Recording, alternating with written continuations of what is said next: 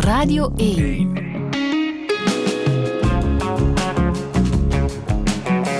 Douche.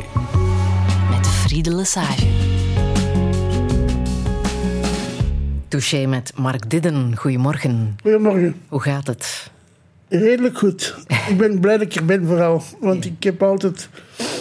Goed dat ik geen acteur ben geworden. want Ik heb verschrikkelijke podiumangst. Maar ook, ik heb altijd kleine momenten van twijfel.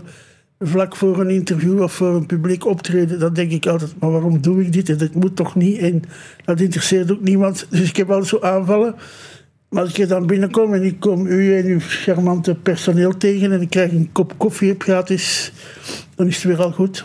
Mark, ehm, je bent een man van vele levens. Hè. Dat schrijf je in eh, jouw nieuwste boek over cinema. Theaterstudent, journalist, cineast, columnist, lesgever, mentor. Allemaal met succes, min of meer, schrijf je er zelf bij. Alleen bij de radio, jouw grote liefde, is het nooit gelukt? Ja, dat, is, dat lijkt een voetnoot, maar trouwens dat succes van daarnet, waar je het over had, is ook een beetje om te lachen. Ik ben nooit voor extreem succes gegaan, omdat ik er ook niet voor in de wieg gelegd ben. Maar bij de radio, dat was een concrete droom. Ik, wij waren thuis radioluisteraars. Uh, vaak zowel de nationale zenders als de regionale. Mijn ouders kwamen uit Limburg en hadden toch een soort levenslijn naar Limburg via Radio Hasselt. Wij kenden al die programma's, wij kenden die, die Jos Gijsens van deze wereld. En dat stond bij ons lang voor de tv als een soort ankerpunt in, in, in, in het huis. Wij, wij keken naar de radio s'avonds. We zitten soms trap, stoelen rond de tafel, rond de, tv, rond de radio, om te luisteren naar een luisterspel of naar een concert. Dus we hebben heel lang gewacht met tv te hebben. En ik vond het een fantastisch medium en dat vind ik nog vandaag. Dus ik ben nooit met mijn stoute schoenen aan naar het prachtige gebouw Flagey gestapt om een examen te doen uh, dat uitgeschreven werd door de uh, Omroep Brabant. En ze zochten jongere medewerkers die zich zowel een beetje met het woord weg konden, een beetje teksten schrijven, maar die ook een brede muziekkennis hadden. En ik dacht dat ik allebei had, dus ik ging uh, tamelijk zelfverzekerd binnen. Maar de eerste proef was een stemproef. Ik zie, ik zie het lokaal nog. Zeer mooi, zoals alles op maar met een een jury achter een glasraam, waar onder andere ook Jan Schoukens en Guido Cassiman bij zaten. En ik zag die al naar elkaar kijken. Zo, ik moest een tekst lezen en ik was ongeveer vier woorden ver. En ik zag die al zo naar elkaar kijken. en toen kwam Guido Cassiman in de gang tegen mij. Die zei, misschien... Uh, uw tekst was wel goed en, en, en de, uw gekozen nummers ook. Samenstellen, dat zit er wel in, maar blijf ver weg van de micro, want je hebt een verschrikkelijke stem voor de radio. Maar samenstellen heb je nooit gedaan. Ik heb het daarna even gedaan als een studentenjob. Toch wel? Heel anoniem. Uh, onder andere voor avondprogramma's uh, op Brabant uh, met, van Arnold Rijpens en zo. Dus rock ook. En, en maar ik had daar niet zoveel plezier in, omdat ik ook dat was heel fysiek, toen dat vond ik wel plezant. De VRT had ongeveer geen platen die ik graag hoorde. Dus als ik iets samenstelde, moest ik die platen altijd gaan brengen. en dan moest ik dat flagéplein naartoe, naar boven afgeven en die van de week daarop terugnemen. Dat had wel iets ambachtelijks, maar er is geen grote radioman aan mij verloren gegaan. Toch blij dat je hier bent hoor, Mark, om even twee uur radio met mij te maken. Twee uur lijkt lang, maar we zullen ons best doen. Hè. Hoe zou jij jezelf omschrijven? Wel, uh, dat is iets waar je op mijn leeftijd, ik ben soms 72, soms 73, ik kan het niet goed bij, ik denk dat ik halfweg tussen de twee ben. Uh, dan begin je wel eens terug te kijken en dan ben ik eigenlijk wel min of meer tevreden met dat parcours dat toch al nooit een echt plan was. Ik heb nooit een carrièreplanning gemaakt. Ik heb veel dingen laten me aanwaaien. Ik zei ook niet op alles ja, dat wil ik wel duidelijk zeggen, maar grote beslissingen zijn toch gemaakt door, door toeval. Door, uh, bekende verhaal van de ingezonde brief naar Humo, waardoor ik redacteur werd. Op Humo werkte een mooie vrouw die Denise heette en die mijn vrouw werd. uh, door Humo ben ik eens ooit gevraagd voor een tv-programma over punkmuziek te maken, samen met Erwin Provoost, die dan een producer in SP was, die zocht een script. En ik dacht, ik zou het ook wel schrijven, een script schrijven. En zo is altijd altijd blijven rollen. En als je dan los een film gemaakt hebt of twee vragen ze om docent te zijn op een filmschool. En op die filmschool leert je dan mensen kennen, zoals Frank van Passel en zo, waar ik dan later veel mee gewerkt heb met Dominique de Rudderen. Ja, en kijk, zo gaat dat maar door. Er zijn mensen die nog altijd in mijn leven zijn. En eh, ik, ik vind dat niet, niet zo slecht. Toeval is, is iets, iets leuk. Je bent ook altijd trouw gebleven aan het levensmotto dat je hebt ontleend aan uh, deze auteur, uh, Emmanuel Bove. Ja. Um, die zei: um, La meilleure façon de gagner sa vie est de perdre son temps. Ja, ik deed dat al voor ik dat boek kende. Trouwens, sommigen zeggen dat dat ook een citaat is dat niet echt van hem is, dat hij ook ergens geleend heeft. Maar die is wat schrijvers wel eens doen. Maar ik vind het wel een goed, uh, ik ga niet meer beter, een goed grafschrift, maar wel een goed levensmotto. Ik, ik, tijd verspelen, in de, niet in de negatieve zin van het woord, maar in de, tijd, in de zin van niet altijd gestrest lopen of achter agenda of achter andere mensen hun plannen, is wel iets moois. Een beetje to be your own man. Zo ze zeggen van vandaag doe ik niks. Of ik ga vandaag alleen maar op een bank zitten. Of ik ga vandaag één schilderij bekijken in het museum. Dat is wel leuk en ik kan dat ik doe dat ook. En je kan er ook iets mee verdienen, blijkt. Niet veel, maar genoeg. Ik heb, zeg ik zonder trots, dat is gewoon ook uh, toeval. Ik ben nooit moeten naar de zogenaamde dop gaan. Ik ben nooit werkloos geweest. En ik heb uh, sinds Sinds ik twintig jaar ben nooit meer straatarm geweest. Maar ik ben ook nooit echt rijk geworden. Maar ik heb altijd elk boek dat ik wilde kopen kunnen kopen. Elke fles wijn die ik wilde bestellen kunnen bestellen. Elk treinticket dat ik wilde kopen kunnen kopen. En elke film gezien die je wou zien? Ja, ik ben erin gerold. Onschuldig aan de hand van mijn ouders die ook graag naar de bioscoop gingen. En wij woonden in een stuk van Brussel dat tussen twee bioscoopwijken lag. Er waren een heel grote concentratie bioscopen rond het Sint-Joostplein. In, het Sint-Joost, in de gemeente Sint-Joost. En er was een heel zeven, acht bioscopen rond het Jourdaanplein in Etterbeek. Wij woonden daar half tussen, vlakbij de Eeuwfeestboog. En het was heel makkelijk voor ons om naar al die films te lopen. En wij deden dat ook vaak, ook omdat we geen tv hadden. Dus als we beeldhonger hadden, mm moesten we de deur uit. Mhm. Maar dat betekent ook dat ik een zeer brede uh, filmcultuur had, want ik koos niet welke films we gingen zien. Ik ging mee met mijn ouders of ik ging mee met mijn broers. En later heb ik pas ontdekt, ik schrijf dat ergens in mijn boek, dat het allemaal in Frans was. Ik had het toen niet door. Dat cowboys, indianen, Romeinen, uh, Chinezen allemaal Frans spraken. dat was uh, iets wat aanvaarden. Het is pas toen ik een puber was dat ik in de stad, stad in ging. Het was door een film met Elvis die ik wilde zien. G.I. Blues. En ergens trof het mij wel als onnozel. Ik had al een Elvis-film gezien in Etterbeek. Dat hij altijd Frans sprak en dan in het Engels begon te zingen. Daar dacht ik ook, dat klopt niet volledig. Maar ik was ook wel blij dat er geen Franse acteur Elvis nazong. Maar toen is er toch een deur open naar wereldcinema. Toen ik plots ontdekte dat het hele stadscentrum, waar ik naar school ging, ik ging naar Sint-Jan Bergmans in de Marolle. We slenterden dus veel na schooltijd door het stadscentrum, dat er overal bioscopen waren. Dat kun je nu niet meer inbeelden en dat hoeft ook niet meer, het is een andere tijd. Maar in elke straat, in zijstraat tussen Noord en Zuid, was een bioscoop of meerdere. Waardoor het aanbod ook veel groter werd. En waardoor ik ook een behoorlijk woord Engels heb leren spreken. Door rock en roll en door films. Ik heb nooit naar ondertitels gekeken en ik ben bij rock en roll me ook altijd afgevraagd waar hebben ze het over. Dus ik, Dankzij die, die liefde voor uh, film weet jij ook dat Paul van Nostaaien ooit heeft geschreven: U zal veel vergeven worden, want jij hebt veel films gezien. Ja. ja. Ik, moest ik moest niks. Ik, ik, ik wilde een quote kiezen aan het begin van mijn boek. En ik dacht: uh, ik ga geen dure citaat van Eisenstein doen over wat de kracht van cinema is of zo, of wat de kracht van montage is. Ik zat in mijn hoofd na te denken. En ik herinner mij plots een leraar Nederlands, meneer Van Eyck, die les gaf aan het ateneum van Etterbeek, die zijn les een keer begon met die zin. Maar hij zei niet van wie dat kwam of zo, maar dat maakte meteen indruk. Dus we gingen zitten en hij zei, u zal veel gegeven, want je hebt veel films gezien. En ik vond dat wel een toffe zin. En toen legde hij daarna het wie Van Ostaaien was. En toen ben ik zelf gaan doordenken wat zou Van daarmee bedoelen. En mijn eigen interpretatie is dan toch dat als je veel films ziet en aandachtig bekijkt, dat er toch wel vele levens het uwe kruisen, veel verhalen, veel plezierige momenten, veel tragische momenten, veel rare mensen, veel fijne mensen, veel landen waar je anders misschien nooit zou komen, waar je toch een film van kunt zien. En ik vond dat meer en meer waar dat, dat, dat iemand die zich openstelt voor beeld en geluid van andere culturen en van andere gewoontes dan de uwe, dat je zoveel keer meer mens wordt. Maar ik vind het ook een heel goede zin. Op zich. Ja.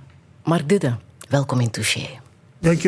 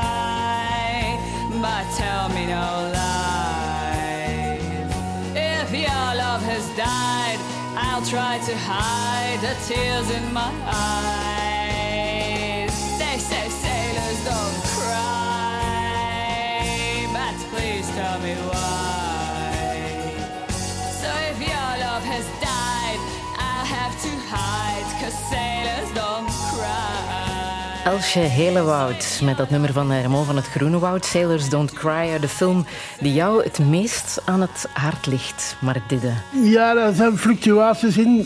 Natuurlijk ben ik ongelooflijk dankbaar voor wat mij overkomen is met Brussels by Night. Een film die mij meteen als ex-journalist op de kaart zette als cineast. En een film die vandaag nog door mensen wordt geapprecieerd.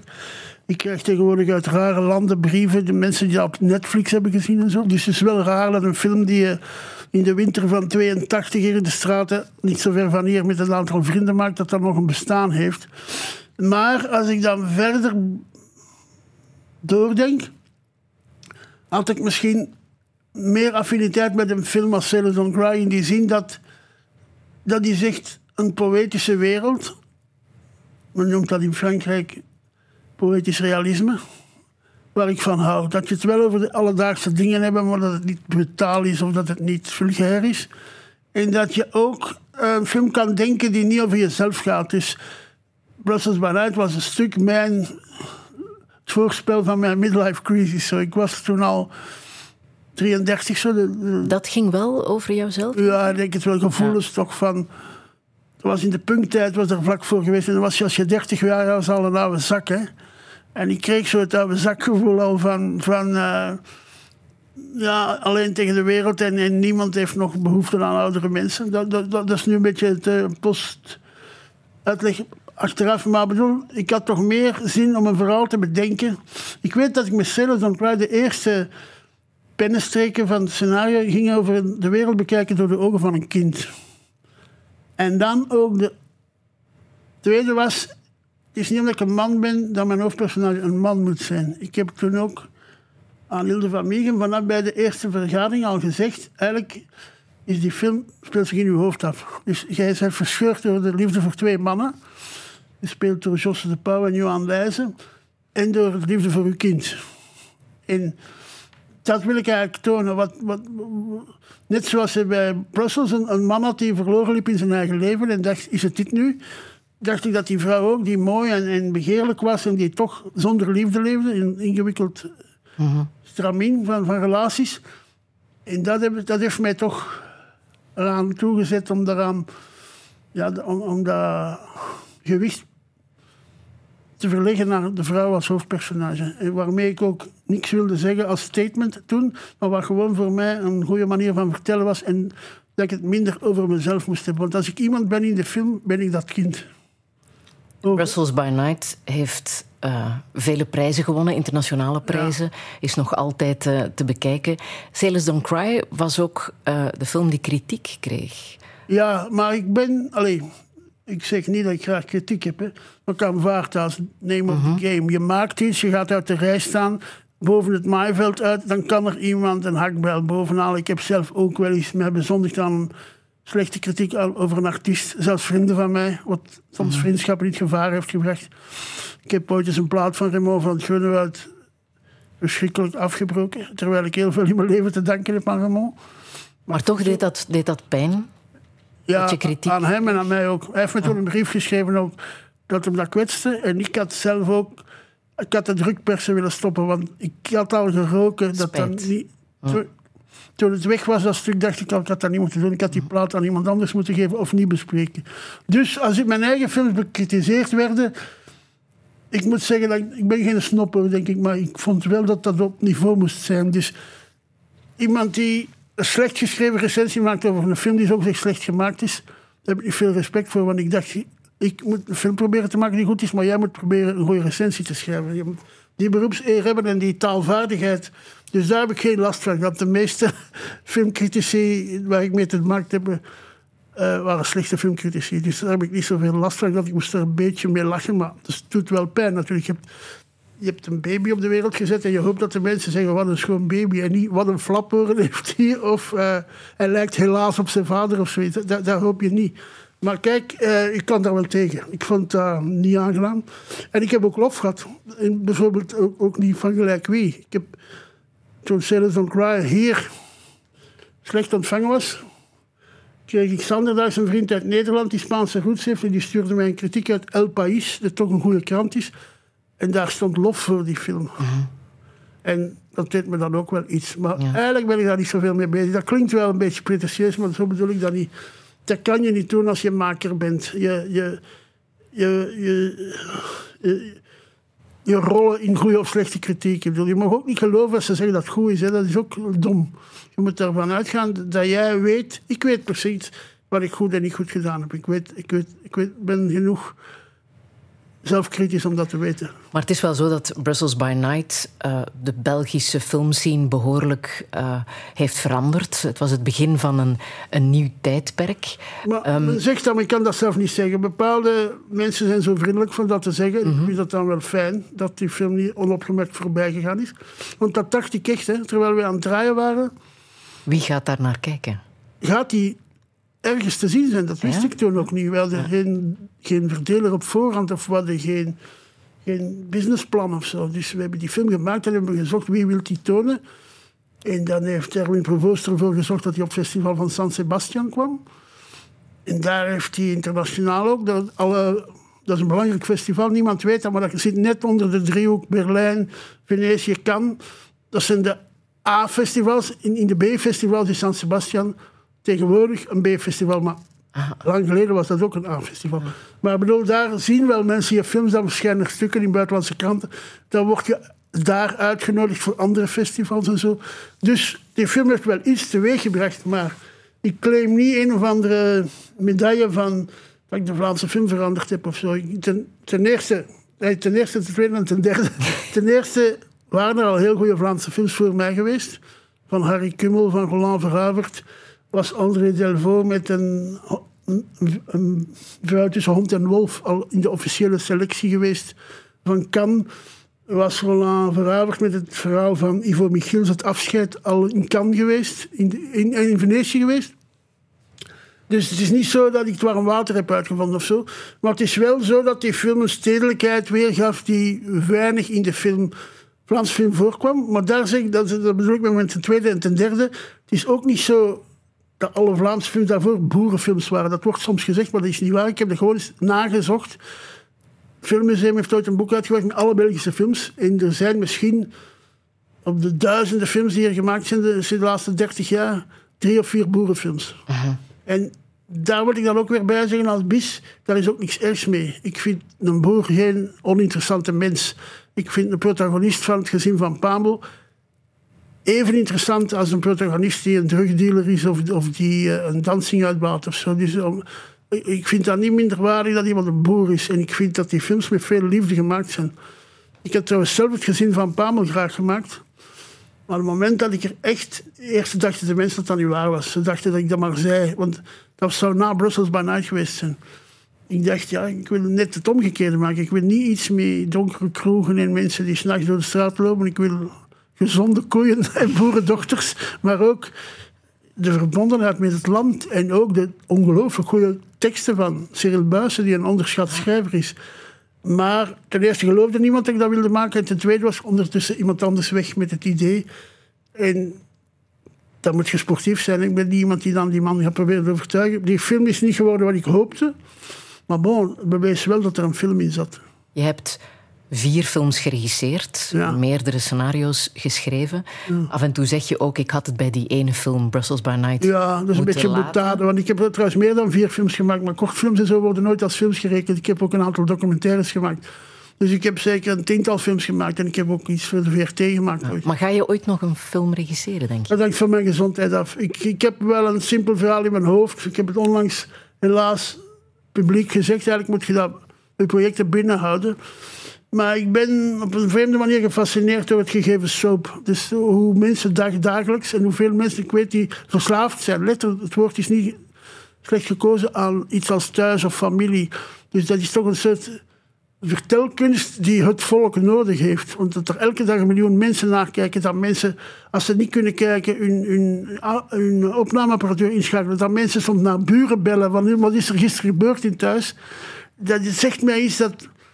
Op een, op een bepaald moment denk ik ook wel eens...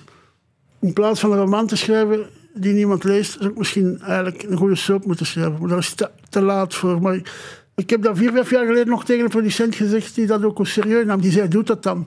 Maar toen had ik andere dingen te doen. Maar ik ben wel gefascineerd door populaire cultuur en waarom mensen willen zichzelf zien op tv. Want als je hoort wat ze goed vinden aan thuis, is dat, dat is precies echt.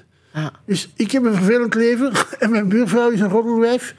Maar ik zie ook graag dat mensen die een vervelend leven hebben en van wie de buurvrouw een roddelwijf is. Dus dat is ook wel, eh, eh, een raar gegeven, maar toch wel interessant. Dus ik, ik heb erover doorgedacht en ik heb vorige zomer een script geschreven van welgeteld 86 bladzijden. En dat gaat er eigenlijk over. Over mensen die veel praten met elkaar of eh, eh, over elkaar. En op dit moment is dat geen toneelstuk, maar het is ook geen proza. Het is dus eigenlijk een scenario. Maar of ik het ooit maak of met iemand maak, dat hangt van, van alles af.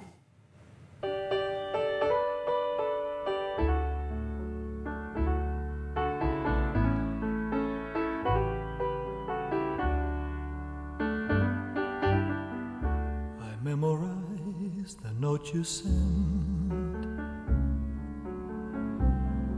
Go the places that we went. I seem to search the whole day through for anything that's part of you.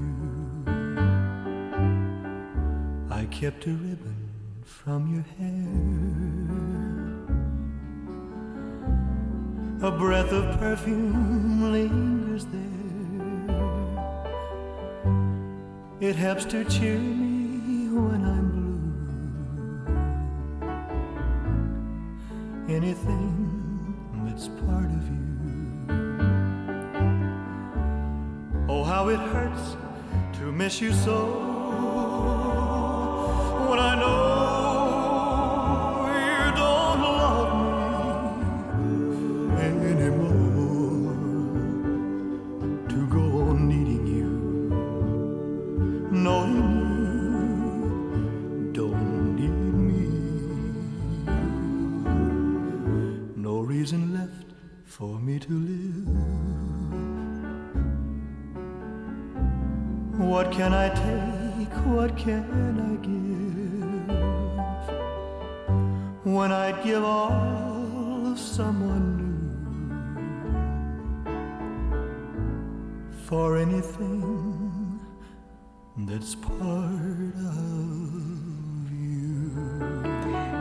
Elvis Presley op het B-kantje van Good Luck Charm. Anything that's part of you. Mark Didde, waarom wou je dit nummer laten horen?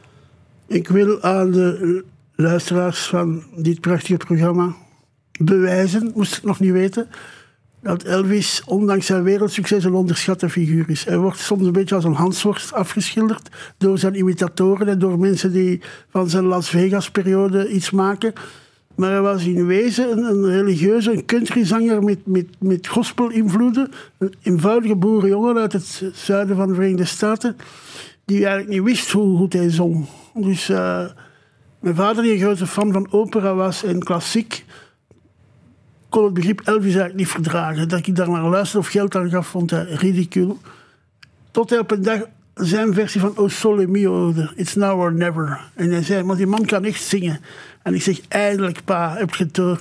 En ik heb dat nog nu, elke dag. Ik luister bijna iedere dag naar iets van Elvis. En het is vaak dit nummer dat mij daarmee overtuigt hoe schoonheid kan samenvallen met een stem, met een eenvoudige tekst, met een eenvoudige begeleiding, die piano. En dat heel ver weg is van het cliché dat veel mensen hebben over rock and roll als een hoop schreeuwlelijkers die altijd maar I love you zingen of zo. Dus ik, ik, eh, maar hij moet ook niet verdedigd worden, hoor, want heel veel verstandige mensen hebben dat ondertussen wel door. Maar ik zelf, ja, ik had een Elvis Club opgericht toen ik op Sint-Jan Bergmas zat. Ja? Ik was het enige lid. en we hadden ook een reglement. In het reglement was ook maar één punt lang en dat was zeg nooit kwaad over Elvis. Dat, dat, ik ben daar nog altijd trouw aan. Dus wij, de lelijke kanten van Elvis zie ik niet. Ik zie alleen die stem, die simpele jongen en die quasi-religieuze tonaliteit die hij Ja. in zijn liederen legt. In hoeverre was jouw vader verantwoordelijk voor jouw liefde voor kunst en cultuur, die nog altijd heel Ja. erg aanwezig is? Hè? Als ik u zeg dat hij die geen studies had gedaan, in zijn bibliotheek gedichten van Schiller had en Goethe in het Duits las en Franse comedies ging kijken, bedoel topcomedies van Molière en dergelijke en in de Beaux-Arts en in de Franstalige theaters van Brussel, dat hij ons naar elk museum van Brussel zondagochtends meenam. En niet alleen dat we daar doorliepen of dat we daarna een Coca-Cola kregen, maar ook dat hij uitlegde waarom Jan van Eyck of Breugel of Margriet belangrijk waren.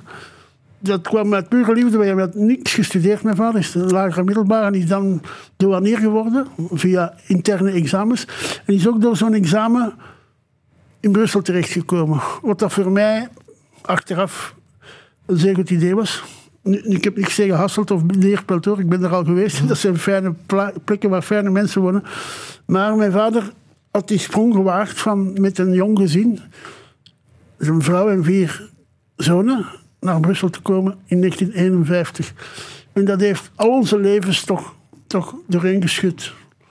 En eh, mijn vader had, al zeg ik dat zelf, dat is misschien raar, maar ik kan het niet meer tegenspreken, dus ik zeg het toch, zeer goede smaak. Dat is in, in, inherent zo aan, als hij zei, zelfs met een film of, of een toneelstuk of een opera. Als hij zei, hij ging niet elke opera zien, hij ging die zien of hij ging dat stuk zien. Dat was altijd een redenatie van, hij had geen abonnementen of zo. Hij vond gewoon op een bepaald moment, of ik ben met hem ook eens naar Leonard Bernstein gaan zien in de Beaux-Arts. Dus het feit dat je zo'n mens tegenkwam, want die kwam daarna een hand geven aan het publiek zo. Dus dat is allemaal dankzij hem. En ook... ehm, bewijzen, nee, erop wijzen dat film bijvoorbeeld niet alleen entertainment is, maar ook kunst. Mijn vader hield van de films van Renoir en van von Stroheim En van Vittorio de Sica en zo. En dus eh, in het gesprek achteraf, want we gingen dan dikwijls tomatensoep eten bij de Sarma in de Nieuwstraat. Dat is ongeveer het enige dat wij aankonden financieel. Dus tegenover de Cinema Metropool was een Sarma-winkel en daarboven was een self-service restaurant. En daar werden dikwijls films besproken. Uh, dat mijn vader dan zegt, eh, soms waren dat moeilijke films voor, mij, zoals El Cid en zo. En dan, zegt hij, dan testte wat ik daarvan begrepen had. En dan legde hij die film terug uit. En dat vond ik ongelooflijke momenten. Dus uh, ik dank veel aan hem, maar ook... Uh, ja, ik moet nog zeggen, bij die Schiller, dat was in gotische letters. Dus hij had dat ooit ergens gekocht, maar ik snap niet... Maar dat was dat wel. Dus met een loepen ook. En dan zat hem... Dan, heeft zichzelf Duits geleerd, heeft zichzelf Engels geleerd. Hij heeft dat nooit op school geleerd. Maar uh, ja, mijn boek over Brussel dat ik een aantal jaar geleden geschreven heb, Een gehucht in het moeras. Dat zien sommige mensen als een boek over Brussel, soms als een reisgids, soms als mijn halve memoires. Mm Maar er is één Franstalige journalist, Beatrice Del, Delvaux van, van de Soir, die zei: Het gaat eigenlijk vooral over uw vader. En die had dat door. Mhm. Want ik heb eigenlijk, om dat boek te schrijven, de 19e gemeentes van Brussel te voet doorgelopen. Dat kon ik toen nog goed met mijn vader in mijn hoofd. Van te zeggen, wat, zou hij, wat zei hier ook weer van en waarom was dat een interessant huis? En, en, uh, ja, daar ben ik eeuwig dankbaar voor. Maar mijn moeder ook. Mijn moeder wilde actrice worden. En daar werd niet van gesproken zelfs. Ze had één keer meegespeeld in een amateurtoneelstuk in Hamond. En toen was zij de heks. En de rest van het jaar heeft iedereen vuil heks naar haar geroepen op, op straat. Omdat de mensen het verschil niet maakten tussen de rol en de vrouw. En toen was ze wel genezen van een acteursdroom.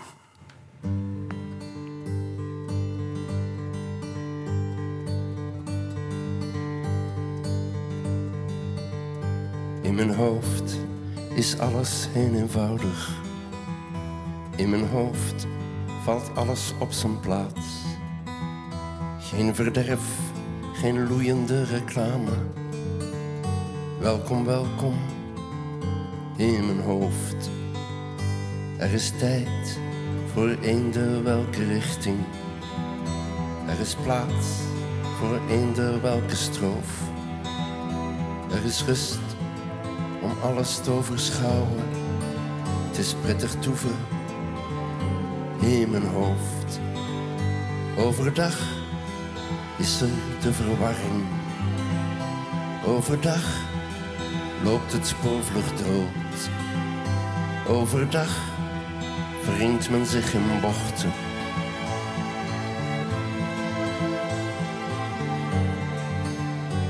Er is water voor wie echt wil drinken. Er is werk, dat werd ons toch beloofd. Er zijn slogans voor wie ze wel geloven. Maar de kern zit in mijn hoofd.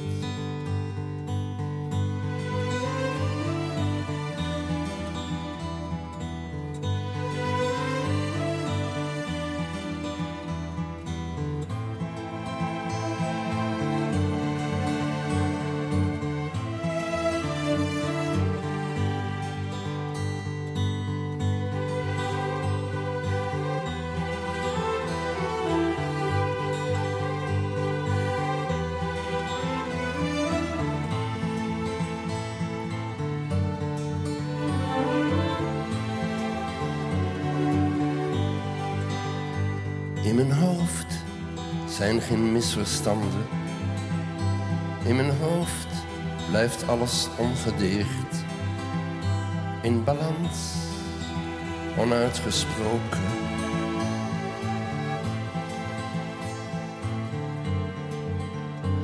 Naar het schijnt verdwijnen je gedachten. Tot het licht volledig is gedoofd. Maar zolang ik daar iets kan ontwaren, blijf ik dwalen in mijn hoofd. Ja, zolang ik daar iets kan ontwaren, blijf ik dwalen.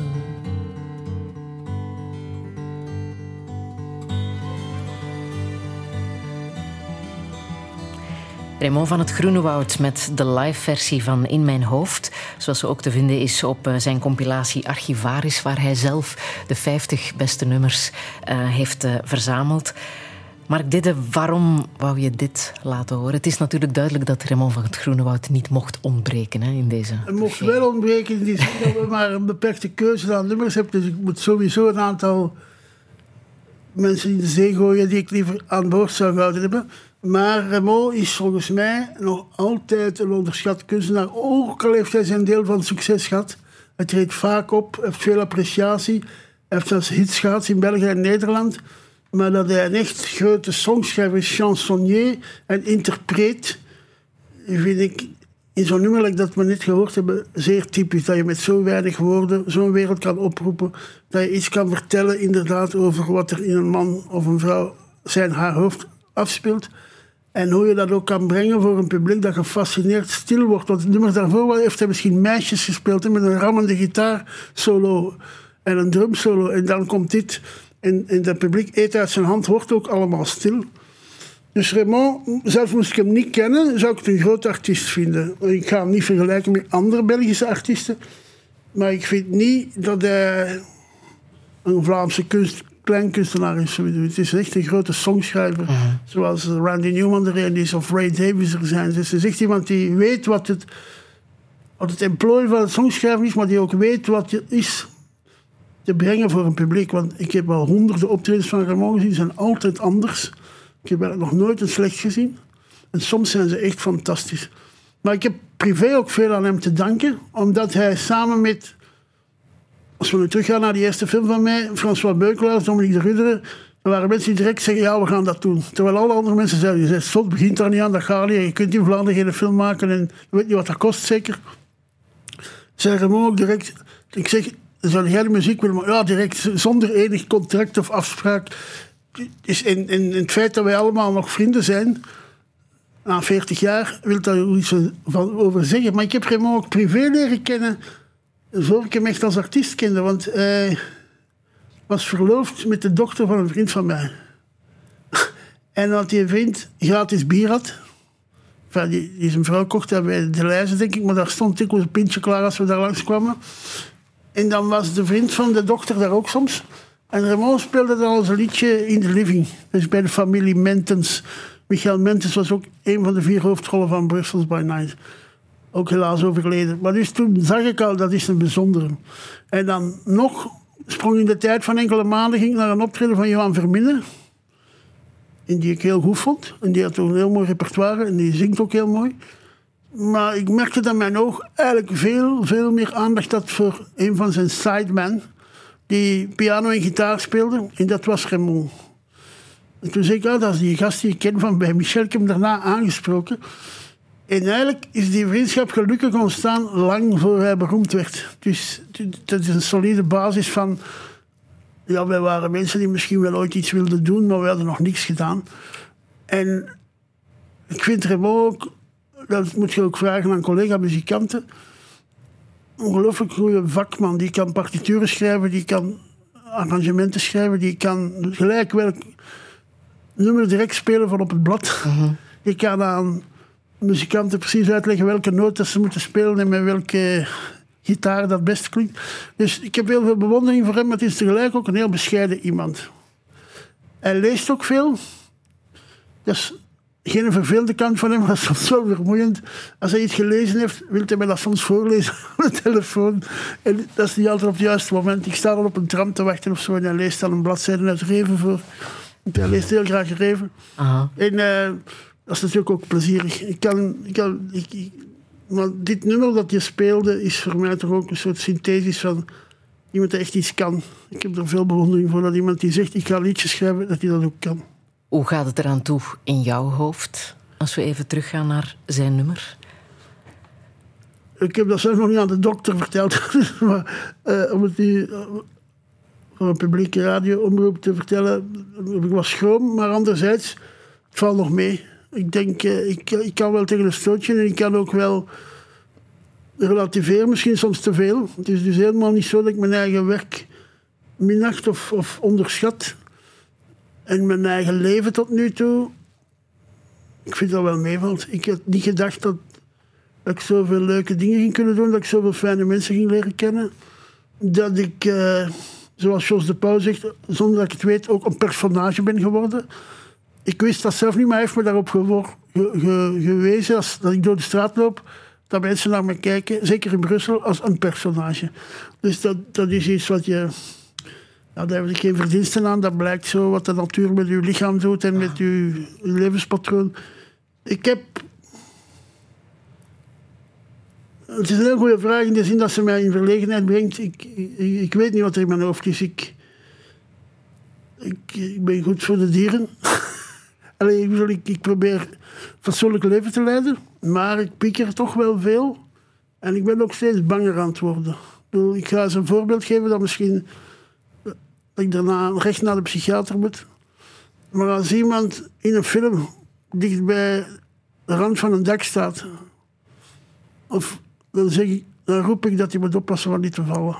Dus ik, ik, ik, heb zo'n schrik van dingen dat je kunt in het water vallen of zo. Ik kan niet zwemmen. Hè. Dus als ik in Oostende langs de kaai loop en ik- is zo'n hoge muur waar beneden die vissersbootjes liggen, heb ik al een paar keer gedacht dat ik, dat ik er maar niet afval of zo. Dus ik, ik heb, er zit wel een angsthaas in mij, om het eerlijk te zeggen. Maar ik zou het niet problematisch maken. Ik denk niet dat ik meer angsten dan andere mensen heb. En dat ik eigenlijk ook wel veel eh, momenten van ontspanning is het niet. Want laatst vroeg iemand mij, wat is uw hobby? Maar ik zei, ik heb eigenlijk geen hobby. Mijn leven zelf is een beetje mijn hobby. Ik bedoel, ik, eh, ben 24... Kijk, er is een café in Brussel, het Goudbloemetje in papier. En dat werd heel vroeger gerund door een volksfilosoof, Geert van Bruwanen. En daar staat op de muur geschreven, door hemzelf denk ik... Tout homme a droit à 24 heures de liberté par jour. Dus elke mens heeft recht op 24 uur vrijheid per dag. Dat is dus iets wat ik toch wel ook wel meeneem van te proberen niet te veel in andere mensen hun gareel te lopen of achter een vlag te lopen of te doen wat andere mensen willen doen. Ik tracht toch altijd wel mijn streng te trekken dat, dat ik doe wat ik wil. Heb je, ehm, want je hebt ontzettend veel grote namen kunnen spreken, zowel in de muziekwereld als in de filmwereld. Van Mel Brooks over Woody Allen tot Ja. Martin Scorsese. En in de muziekwereld van Bruce Springsteen over Bob Marley tot Mick Jagger. Ja. Ehm, heb je daar mensenkennis opgedaan? Dat is iets vreemd, ja. Ik heb, eh, ben daarom ingerold. Hè. Dus ik heb nooit gezegd, ik wil journalist worden of ik wil rockjournalist worden. Ik was student, ik had niet veel geld en ik heb kunnen dat jobje krijgen bij Humo. En toen zei de baas, Guy Martin, een week later al... Je moet naar Vos Nationaal, Tina Turner interviewen, maar ik was nog nooit in Vos Nationaal geweest. En ik wist ook niet hoe je zo'n interview moest doen. Maar ik heb wel snel gemerkt dat het eigenlijk wel ging. Dat veel van, veel van die mensen dat wel door hadden dat ik een debutant was. Of dat ze gewoon vriendelijk zijn. Dat ze zeggen, ze kunnen ook geen interview geven. Hè. Dus als ze zeggen ja, dat meestal wel oké is. Ik heb bijzonder weinig vervelende mensen tegengekomen. En ik heb ze ook altijd zelf een beetje op hun gemak gezet. Doordat ze mij op hun gemak zetten. Is, eh, dat is... Dat is geen groupie moment voor mij hoor. Ik ben niet degene die daarna op de foto wil met, eh, met degene die hij geïnterviewd of die, of die dat later zijn vrienden noemt of zo. Maar heb je iemand ontmoet van al die grote namen waarvan je nu kan zeggen: dit was voor mij echt een voorbeeldmens? Ja, ja, maar dat zijn de mensen die de mensen niet zo goed kennen thuis, denk ik. Ik, ik heb heel graag gepraat met mensen als Loudon Wainwright, een grote songschrijver die niemand kent. Ik heb heel graag gepraat met Warren Zevon. Ik, heb, eh, ik had er goede gevoelens bij toen ik Peter Wolf zag. Dat is de zanger van de G. Gills Band. Lijkt een wild beest, maar is een hele schuchtere, poëtische man. Ik ben thuis geweest bij Emmylou Harris, een grote countryzangeres. En ik zat aan de keukentafel met haar, haar moeder en haar dochter. En ik vond dat een ongelooflijk gevoel van de jongen uit Hammond... die plots in Tennessee, in Nashville, in een villa-wijk... in de keuken zit met een zangeres die hij bewondert... met haar moeder en haar dochter. Ik dacht, dat zijn toch momenten die, die niet veel mensen meemaken. En ook thuis bij Bob Marley. Ik vond dat ook ongelooflijk dat dat, dat kon. Ik vond het ook ongelooflijk dat ik naar Miami vloog en daar met een vliegtuig naar Kingston en dan door die drukke, jungleachtige stad naar dat huis geleid werd waar hij dan ook zat op zijn veranda. En waar zo'n man die op dat moment een soort absolute wereldster was, meer dan wereldster. Er is dus geen dorp van de wereld, mijn broer is piloot geweest, en die zegt dus geen dorp van de wereld waar ze geen t-shirts van Bob Marley verkopen. Dus of je op de Noordpool bent of in Mali, eh, daar is iemand die een t-shirt... Dat wijst wel op een zekere bekendheid. Maar die man zat daar gewoon op mij te wachten en die maakte een potje thee voor mij en die, antwoordde op mijn vragen. En die legde mij daarna ook uit hoe ik terug naar mijn hotel moet. Ja, dat zijn wel mooie momenten, maar ik... Nee, ik vind dat ook niet straf in de zin van... Dat is uw werk, hè. Voor een stuk... Alleen werk, tussen aanstekens. Dat is een fijne manier om de... Gagner, perdre son temps, gagner sa vie. Ik bedoel, Dat is... Ik deed dat wel graag. En ik vond dat ook altijd... Nou, dat moet je dan zelf geloven. Dat je iets beter moet zijn dan je collega's in de zin dat je bijvoorbeeld... Dat is geen tip aan u, hè, maar geen vragen voorbereiden. Ik deed dat altijd. Ik, ik dacht, ik ga zien dat ik iets weet om mee te beginnen. Maar dan zie je dat ook wel. Je ziet ook snel dat mensen geen zin hebben in interview. En dan, en dan knippen ik dat ook snel af. Dat, dat kan je niet doen, dit programma van twee uur. Maar ik kon dat wel doen. Dat ik zo gezegd, na een kwartier zei het, u bedankt. Boy George was zo iemand die, die, die zei tegen mij, ik doe dat niet graag. Interviews geven. Ik zeg, maar ik ook niet. En, en ik bedoelde als het zo moet, want ik zag dat hij het niet graag deed. En ik zeg dan, maar stel nog maar een vraag, zegt hem. Ik zeg, ja, waarom zit je een, heel gewone mens, waarom zit je zo raar gesminkt? Hij had zo'n hoge hoed op en hij had een grote neus en hij had blauwe lippen. Ja, zegt hem, if I don't do that, I look like a pig. en ik zeg, ik zeg, dat is genoeg, ik kan daarmee wel iets doen. En ik was weg. En dat is eigenlijk... Die attitude moet je wel hebben. Je moet dus niet denken dat het ongelooflijk straf is dat je iemand interviewt, want in vele gevallen wordt dat geregeld. Al moet ik zeggen dat dat toch mijn beste interviews waren, die waar ik zelf voor gebokst heb. Die mij niet aangeboden werden in het kader van een of andere promotie. Dat je echt zegt, ik zou willen met Paul Simon spreken, omdat ik dat fantastische liedjes vind. Ik zou willen met Woody Allen spreken, omdat die films mij bijna allemaal enorm treffen. Daar moet je wel iets meer moeite voor doen. En dan heb je wel een goed moment dat je daar zit. Maar ik vond, dat klinkt nu echt als een dooddoener en ook, is niet mooi tegenover mijn collega's. Maar ik vond interviews voorbereiden leuk, ik vond interviews doen leuk, maar ze uitschrijven niet. Dus ik, daarvoor was ik misschien ook beter bij de radio gaan werken.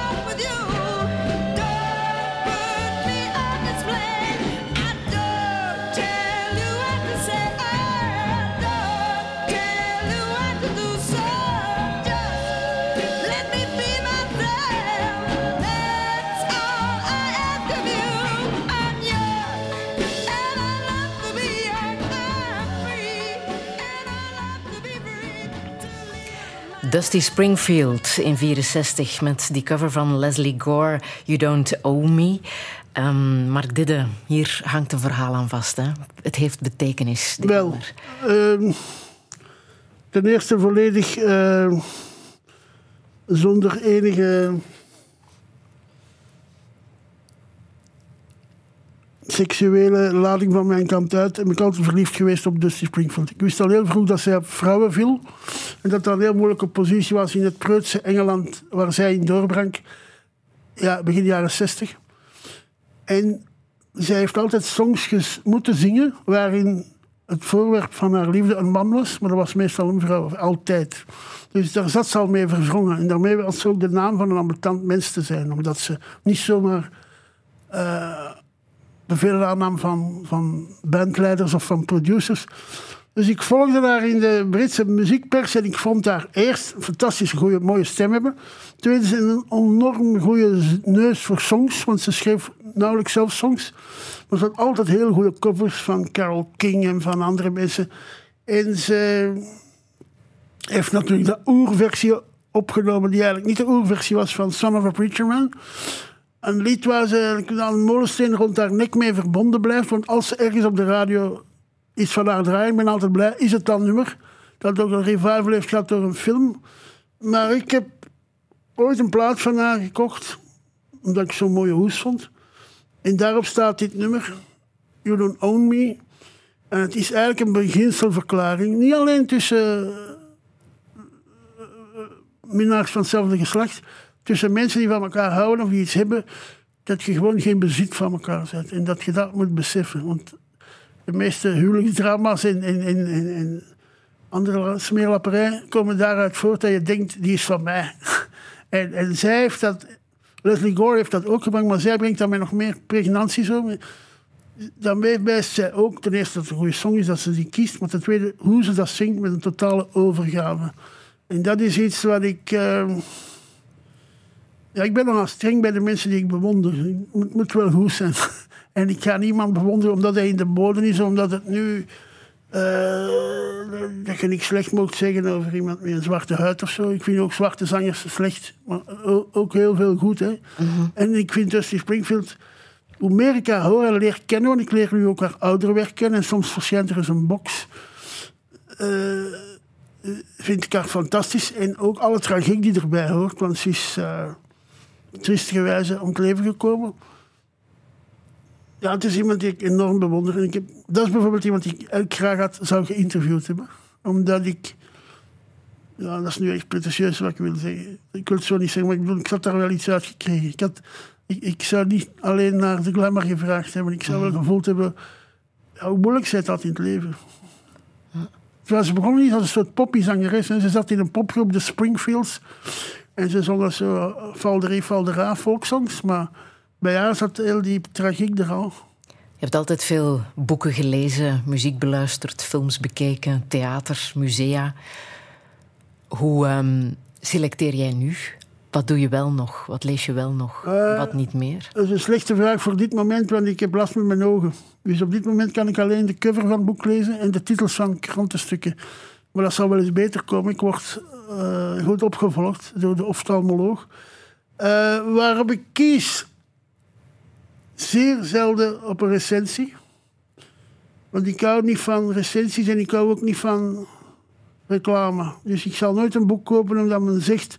dit boek moet je gelezen hebben of must read of het boek van de maand. Nee, ik, ik zal eerder kiezen door het aanvoelen. Soms zelfs tactiel het boek vastnemen en voelen... ik wil dat boek hebben. Door, door, door de cover, door de druktechniek. Maar ten tweede ook door... eh, ik, zet, ik, ik, ik zet mijn ogen wel open. Ik- als ik drie, vier mensen die ik interessant vind iets goeds over een boek horen zeggen, zal ik meer neiging om dat boek te kopen dan, dan een recensie. En ook, ik ben ook trouw. Ik lees van Ian McEwan alles, bijvoorbeeld. Dus ik... eh, zijn een aantal schrijvers. Ik heb van Patricia Highsmith ook alles gelezen. Alles wat er bestaat. Ik heb van Hugo Claus alles gelezen. Dus als ik een auteur graag heb, meer dan graag heb, dan wil ik die auteur ook echt kennen. Ik heb nog muziek uit jouw favoriete film aller tijden. Dat is Le Jour se lève. Daar hoef je ook niet echt diep over na te denken. Hè? Film uit 39 met eh, Jean Gabin en Arletty ehm, van Marcel Carnet. Naar een scenario van onder andere Jacques Prévert. Een meesterwerk. Ja. Omdat alles daar goed zit. Ja, en ook omdat wat ik in het begin van het gesprek zei over Sailor Don't Cry, dat realisme dat mij het meest aanspreekt is het poëtisch realisme. Dat het wel over echte dingen gaat, maar dat het niet allemaal in your face is en helemaal... De vulgariteit van het dagelijks leven wordt daar toch wel weggefilterd door de dichter. Zijn de Prévert, maar ook Carnet, die een zeer gevoelige man was. En deze film bekijk je hoe vaak nog? Zeker één keer per jaar. Echt waar? Maar ja, ja, en liefst in het filmmuseum of in een zaal, maar ook thuis op de computer en ook op televisie. Ik heb een dvd. Aha. Het is een film die voor mij samenvat wat, wat de schoonheid van cinema ook is. Ah. En waarom kijk je dan elk jaar opnieuw? Omdat het zo goed geschreven is dat hij mij altijd verrast. Zij mij altijd verrast dat ik toch niet weet wat er gaat gebeuren. Of dat ik, dat ik mij afvraag, en waarom zegt ze dat nu? Arletty is een ongelooflijke actrice. En dan een paar scènes later heb je door waarom ze dat zegt. Dat is respect. En de muziek ook, hè? Ja. Deze muziek.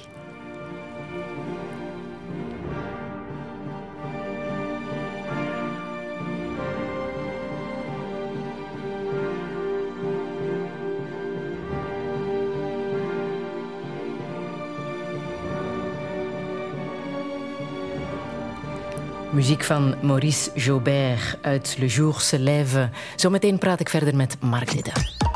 Radio 1.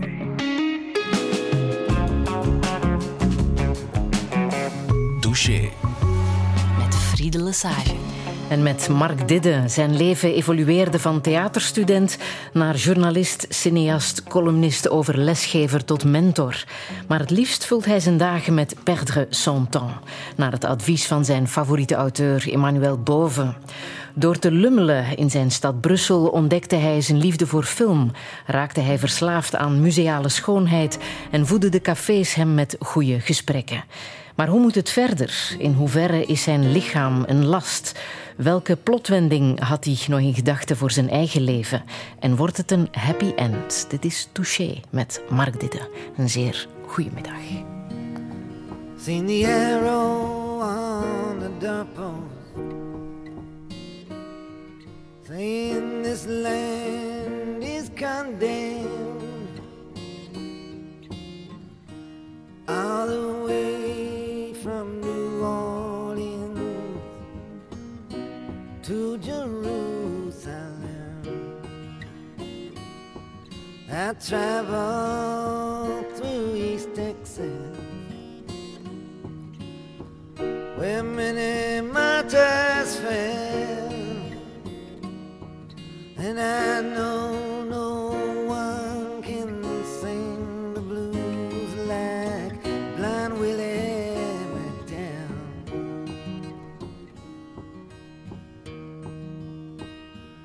Well, I heard that hoot owl singing as they were taking down the tent. The stars above the barren trees was his only audience. Then charcoal gypsy maidens can strut their feathers well. But nobody can sing the blues like Blind Willie McDowell.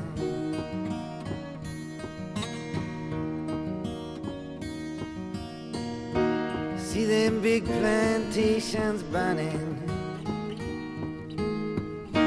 Hear the cracking of the whips. Magnolia blooming. See the ghost of slavery ship. I can hear them tribes moaning. Hear that undertaker's bell.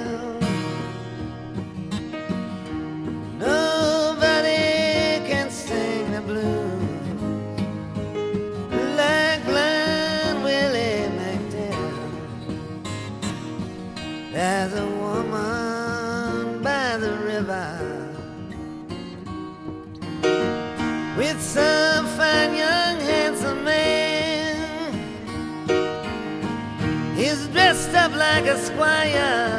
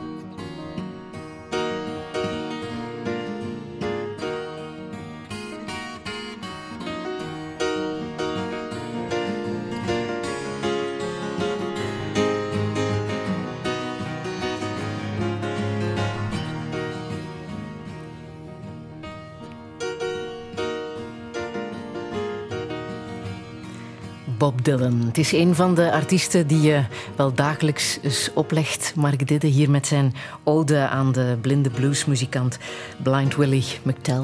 Ja, dat kan ik niet ontkennen. Vanaf ik Bob Dylan ontdekt heb door een schoutsleider in de jaren 60. Die had het nummer Blowing in the Wind door Peter, Paul en Mary. Aha. En wilde dat zingen bij het kampvuur. En ondanks die verschrikkelijke versie van die schoutsleider vond ik dat al een mooi lied. En ben ik op het plaatje gaan kijken wie dat geschreven had. Want toen het heeft me altijd geïnteresseerd van wie komt dat nummer. En toen is die trein vertrokken voor mij. Dat moet 1 of 62 zijn. En tot vandaag de dag eh, tracht ik alles te lezen, te, te horen wat die man maakt. Soms ga ik hem ook bekijken in concert. De laatste tijd minder, omdat hij altijd maar piano speelt. En ik hem graag als gitarist ook bezig zag. En dat ik ook de zalen waar hij speelt akelig vind, zoals Vorst Nationaal. Maar dat mij gezegd dat er een kans was dat hij naar Beaux-Arts kwam. Daar had ik enorm naar aan het uitkijken. Want in Parijs en in Londen heeft hij in soortgelijke zalen gespeeld. Maar mij krijg je niet meer echt in Vorst Nationaal. Er is één zin die je vaak aanhaalt van hem. Um, There's no success like failure. Ja, dat is ook zo. Ik denk dat je moet gemaakt zijn voor succes. Dat vraagt een speciaal soort structuur van lichaam en geest. Ik denk dat overvalt u meestal. Ik zei altijd tegen mijn studenten: je mag geen film maken om succes te hebben. Dat mag geen doel zijn, maar wel een gevolg. Je mag een film maken die goed is en die succes heeft. En dat al de best. En dan stuur ik je zelfs bloemen. Maar als je bezig bent met dingen ineen te knutselen die succes moeten hebben, dan haak ik af. Nochtans, veel van de muziek- en filmindustrie werkt zo. Er wordt door heren in pak rond een bureau beslist wat ze denken dat succes gaat hebben. En als dat lukt, dan geven ze elkaar opslag op het einde van het jaar. En als dat niet lukt, droppen ze die artiest als maker of als za- zanger. Want dan is hun plan mislukt. Daar ben ik nooit mee bezig geweest. En Bob Dylan, toen hij begin van een schuchtere volkszanger in de cafés van Greenwich Village aan het opgroeien was tot een soort stem van een generatie en tot een soort, eh, vanwege zijn elektrische gitaar die hij plots kocht, ook een rockster werd beschouwd en niet meer als een folkartiest. Toen is hij een beetje in die vallen van succes wel getrapt door ten eerste rare middelen tot zich te nemen. Tot ten tweede te denken dat wat hij zag, dat hij zei ook evangelie was en zo. Maar hij heeft dat zelf in dat folie, als je zijn vorige boek leest, Chronicles, heel goed doorgaat dat dat, dat, dat het niet was. Dat je als artiest daar niet mee mocht bezig zijn. Ik denk nu niet dat Van Gogh dacht, ik hoop dat ik nooit een schilderij verkocht. Maar het feit dat hij er nooit verkocht heeft, maakt hem niet minder als schilder. Dus je kan daar niet mee bezig zijn, excuseer, voor de apparatuur van de VRT. Dus eh, je mag... Dat is een gevolg, een fijn gevolg vaak, maar het kan je ook overkomen. Ik heb het maar in één kleine dosis meegemaakt. Met een, ik had een zekere reputatie als journalist. Ik heb een aantal leuke scenario's geschreven die ook prijzen wonnen en zo. Ik heb een paar films gemaakt die op grote festivals op hand geklapt werden. Maar ik voelde toch direct dat alles wat erbij hoorde helemaal niet aan mij besteed was. En dat ik dat ook niet graag deed. Ik ben ook verschillende keren, en niet omdat ik zo chic was met de hoeven voelde, maar een soort desinteresse is het woord, niet schuchterheid, niet een prijs gaan opbouwen die ik gekregen had of zo. Omdat ik denk, there's no success like failure. Uit de dingen die je mislukt leer je wel veel. En er zijn ook spiegels in je gezicht zo van... Je bent wel oké, maar je bent niet de beste. Dus dat is toch een vorm van nederigheid. En die Dylan ook... Ik ken een paar mensen die met Dylan gesproken hebben. Hij wil over alles spreken, behalve over zichzelf. Ik ken een paar mensen die echt heel dicht bij Dylan geweest zijn. Hè. Hij zegt, het- het gesprek stopt als je over hem begint. Eh, Hij vraagt hoe is het met jouw kinderen en waarom rook je nog altijd en waarom rijd je met zo'n lelijke auto rond. Maar als jij zegt, ja Bob, uw volgende, vorige plaat vond ik wel heel goed, dan stopt hij. Dan, dan gaat hij met de hond spelen of zo. Hij wil niet die, met, met het Dylan, niet met het Dylan zijn geconfronteerd worden. En nochtans is hij een heel groot kunstenaar. Sommige mensen wegen dat dan af. Sommige mensen zeggen, ja, maar Leonard Cohen was beter. Maar dat is niet waar. Bovendien waren die twee vrienden en respecteerden ze elkaar. En kon Leonard Cohen alleen niet bestaan, begrijpen waarom hij een jaar op een nummer werkte en Dylan soms maar tien minuten. Maar verder had hij het grootste respect voor elkaar. En die moeten ook niet tegen elkaar uitgespeeld worden, want Dylan, als je nu naar een concert van hem gaat, is dat bijna altijd onvoorspelbaar. Maar dat is wat men een grote deugd vindt bij jazz. Dat een jazzmuzikant elke avond heruitvindt wat hij maakt. Terwijl Leonard Cohen, de laatste keer dat ik ge- gegaan ben, als ik mijn ogen dicht heb, was ik naar de plaat aan het luisteren. Maar, maar dat, dat doet niks van hem af. Hè. Dat is gewoon dat hij een ander type performer was. Hij is 81, staat nog altijd op een podium. Ja, ik denk dat hij niet anders kan. Ik denk dat hij... Maar hoe zit het met jou? hoe gaat het met jouw gezondheid? Dylan en ik, mooi Ja. gezelschap. Wel, ik heb, ik ga het maar zeggen, maar iedereen kan het ook gewoon zien. Ik heb eh, meer voor mijn geest dan voor mijn lichaam gezorgd tijdens mijn leven. Ik ben op een bepaald moment was ik een vrij behoorlijke basketter. Dat was zo toen ik net eh, aan het rits toe kwam, met een paar jaar vertraging, omdat ik in de middelbare wel een keer of twee blijven haken ben. Dus ik was al wat ouder dan de andere eerstejaarsritsers. Maar ik heb dan nog wel weet je, met plezier basket gespeeld, maar dan zijn daar eh, de kroegen geworden en in cinemas zitten. En ik heb daar niet meer veel aan dood gedaan, letterlijk. Heb je daar spijt van? Dat je... Ja, ja, ja, ik voel nu dat mijn lichaam... Ten eerste wandel ik heel graag, ten tweede doe ik graag citytrips en zo. Bezoek ik graag musea die niet allemaal perfect ontworpen zijn, die soms lastig zijn. Het nieuwe museum in Antwerpen zit ook weer vol trappen. Men denkt nooit aan mensen die niet goed kunnen lopen. Dat is... eh, eh, ik had een collega op Sint-Lucas, Dirk Lauwaard, de intellectuele filmkenner ook. En die heeft op het einde van zijn leven een boekje geschreven. En daarin pleit hij ook voor een stad voor de niet meer zo mobiele man. Dus als je slecht loopt, zoals ik, en hij zat op het einde in een rolstoel, zijn er overal putten en gaten in de weg. Zijn er al, overal gebouwen waar je niet binnen kan. Cafés waar je zelfs die twee stoepen die je moet nemen niet binnen kan. Bioscopen waar je niet binnen kan. Dus er wordt weinig gedacht als je zelf nog mobiel bent aan mensen die het niet zijn. Maar bon, ik ben hier niet om een kruisvaart te houden. Het is wel zo dat ik... Allee, ik... ik eh, mijn dokter luistert mee naar dit programma. Dus ik kan hem geruststellen dat ik wel alle pilletjes neem die ik moet nemen. En dat ik ook geen excessen doe of zo. Dus ik... eh, qua eten en drinken en zo. Ik, ik, eh, Maar je hebt vorig jaar nog eens een behoorlijke waarschuwing gekregen. Hè? In de ja, van... maar ik denk niet dat veel mensen dat interesseert. Ik, ik, ik, heb een paar eh, ja, slagen moeten incasseren. En eh, in mijn familie zijn er ook wat zieken. En Ik heb onlangs twee van mijn broers verloren. Dus dat zijn toch wel... Ja, je weet dat dat gaat komen. Als je 70 voorbij bent, statistisch is er heel veel kans dat, dat, er iets gaat gebeuren. Tenzij je een, ja, een topsporter bent, maar zelfs die kunnen iets voorkomen. Eh, ik vind dat vervelend, ja. Ik zou liever ook geen aandacht vestigen op mijn lichaam. Ik moet nu inderdaad sport doen op een trein te stappen en nog meer om er af te stappen. Ik ben al twee keer bijna naast het spoor gevallen, omdat die ouderwetse treinstellen zo gemaakt zijn dat je nog ver van het perron bent. Dat er tussen het perron en de trein nog een... U zegt een oude zagenman bezig, maar het is wel zo dat het minder makkelijk wordt van even op de trein te springen. Ik heb daar spijt van, maar dat spijt is wat de koe scheidt, zei Herman Brood. Dus ik, kan daar niet meer veel aan doen. Ja, ik kan vermagingspillen nemen. Maar heeft dat iets bij jou wakker gemaakt, de urgentie, wat nog moet in het Ja, leven? toch wel. U weet, ja. Ten eerste, wat is 100 jaar worden? Is dat zo fantastisch? Dat weet ik niet. Ik zie soms filmpjes op het journaal van mensen die 100 worden. En dan zie je nog wel ogen en een mond of zo, maar je ziet verder. Die krijgen dan een stuk taart, maar die steken dat bijna in hun ogen zo, omdat ze echt niet meer bij de wereld zijn. Ik weet niet of ik dat wil nastreven. Maar als ik Mick Jagger bezig zie, dan denk ik... Of Dylan die avond na avond van Bournemouth naar Glasgow gaat... en van Glasgow naar Leeds... dan denk ik, dat is toch ook wel fijn dat je dat nog kan. Dat je... Maar wat lukt jou nog? Elke dag schrijven. Gaat dat? Ja, ja, natuurlijk. Ik, zag gisteravond ook eh, bij de Matthijs van Nieuwkerk... zag ik Boudewijn de Groot zitten. Die ook 80 jaar is en die er fantastisch uitziet. Dus daar ben ik een beetje jaloers op wel. Ik kan nog zeker schrijven. Ik denk niet ook... eh, dat ik dat zal verleren. Ik denk... Allee, om het niet te morbide te zeggen, maar ik zou wel graag ook mijn eigen in memoriam schrijven. Dus dat tenminste een goed in memoriam zou zijn. Ik bedoel, ik, als ik zou weten, vrijdag dat ik vrijdag doodga, maandag doodga, zou ik zondags nog wel in memoriam schrijven. Ja, ik zou wel willen dat dat... Maar wil je schrijven? Wil je columns blijven schrijven tot het niet meer... Ja, als ze mij vragen, wel, ik vraag nooit zelf iets. Hè. Als, ze- als, eh, als iemand mij vraagt, wil je...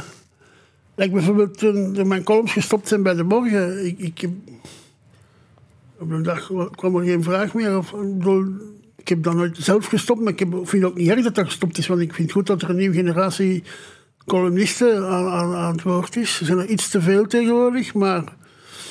eh, nee, nee, maar ik schrijf sowieso. Moest ik, maar wel geen blogs of zo, dat hebben ze mij ook gevraagd. Ik, op dat gebied ben ik wel een beetje een kruidenier. Ik krijg er graag een beetje geld voor. Dus ik schrijf niet graag zomaar iets als een gelegenheidsteksten of. Nee. Maar ik, schrijven is natuurlijk bij mij. Ik moet daar niet veel voor doen. Hè. Ik kan mij echt... Maar het idee van pensioen om echt eens Nee, alles opzij nee, te nee. schuiven. Ik heb, en... nee, eh, pensioen. Ik ben op een bepaald moment gestopt met lesgeven. Omdat ik bang was de leraar te worden die ik zelf gehad had. Ik heb een paar aantal uitgebluste leraren gehad. Ook aan het rits, maar ook in de Maniora. En ik dacht, zo iemand wil ik wel nooit worden. Maar ehm, schrijven is voor mij een natuurlijk ding. Dus als ik opsta, nog voor ik een koffie drink, ga ik soms al eens aan mijn computer zitten. En als daar een mail staat, antwoord ik die. Of als ik een gedachte heb over iets. Ik schrijf geen aforismen of zo, maar zo'n gedachte wordt soms wel de eerste zin van een column of zo. Dus ja, nee, ik doe dat heel graag. Ik heb er ook, tot spijt van wie beleid, geen moeite mee. Ik, ik kan... Dat was ook de enige manier om als freelancer te overleven. Dat was snel kunnen schrijven, want dat was zo slecht betaald... dat als je dan een week of drie aan een stuk zit, dat je eigenlijk niks verdient. Maar mag je- ik noteren dat je nooit gaat stoppen met schrijven? Nee, ik zal dat zelf niet beslissen. hè. Iemand zal dat voor mij moeten beslissen, of iets. Nee, nee. Ik doe dat veel te graag ook. En ik, ik kan ook plezier hebben in een zin te herformuleren. En bij het nalezen te zien, hier staat twee keer het woordje doen in. Ik ga in één doen, van, of, door onverwachte dingen te schrijven. Laatst moest ik een flaptekstje schrijven voor mijn nieuwe boek over cinema. En ik eh, dacht eerst te schrijven, verkrijgbaar in elke goede boekhandel. Ik heb geschreven in elke goede en slechte boekhandel. En, dat, en slechte, daar maakt er iets meer van. En dat is ook zo. Een, boek moet ook op de luchthaven te koop zijn of, bij de liefst aan de kassa van de GB.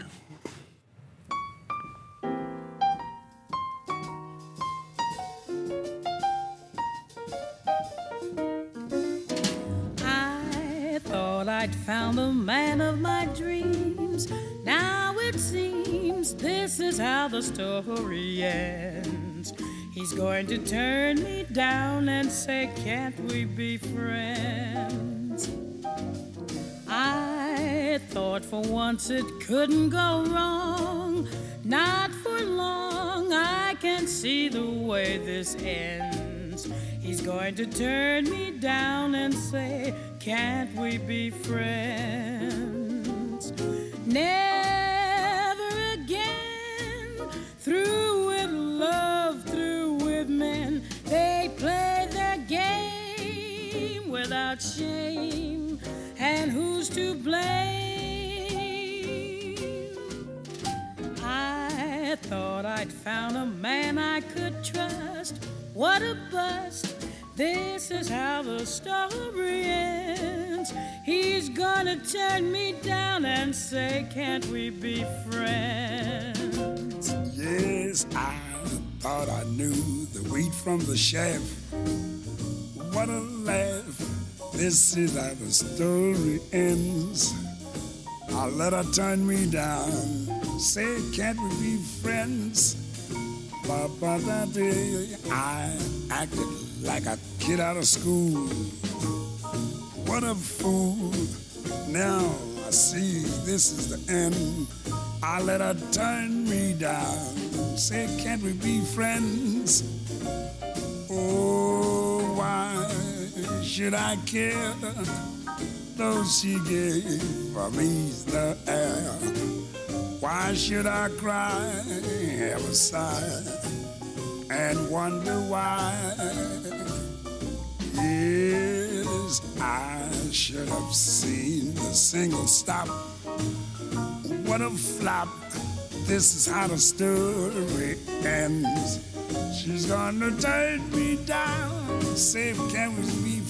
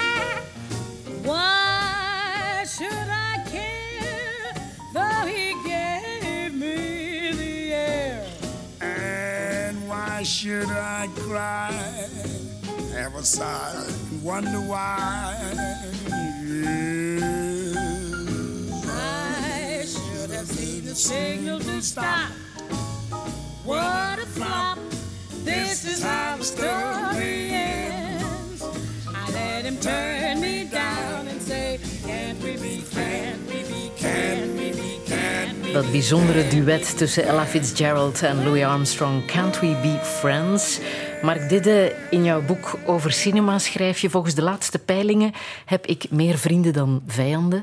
Dat valt goed mee. Ben je altijd goed geweest in vriendschappen? Ehm, ik weet niet of ik er goed in ben, maar ik streef daar wel naartoe. En ik vind dat ook iets heel mooi, vriendschap. Natuurlijk is een allesverzengende liefde fantastisch. En alles is beter dan haat.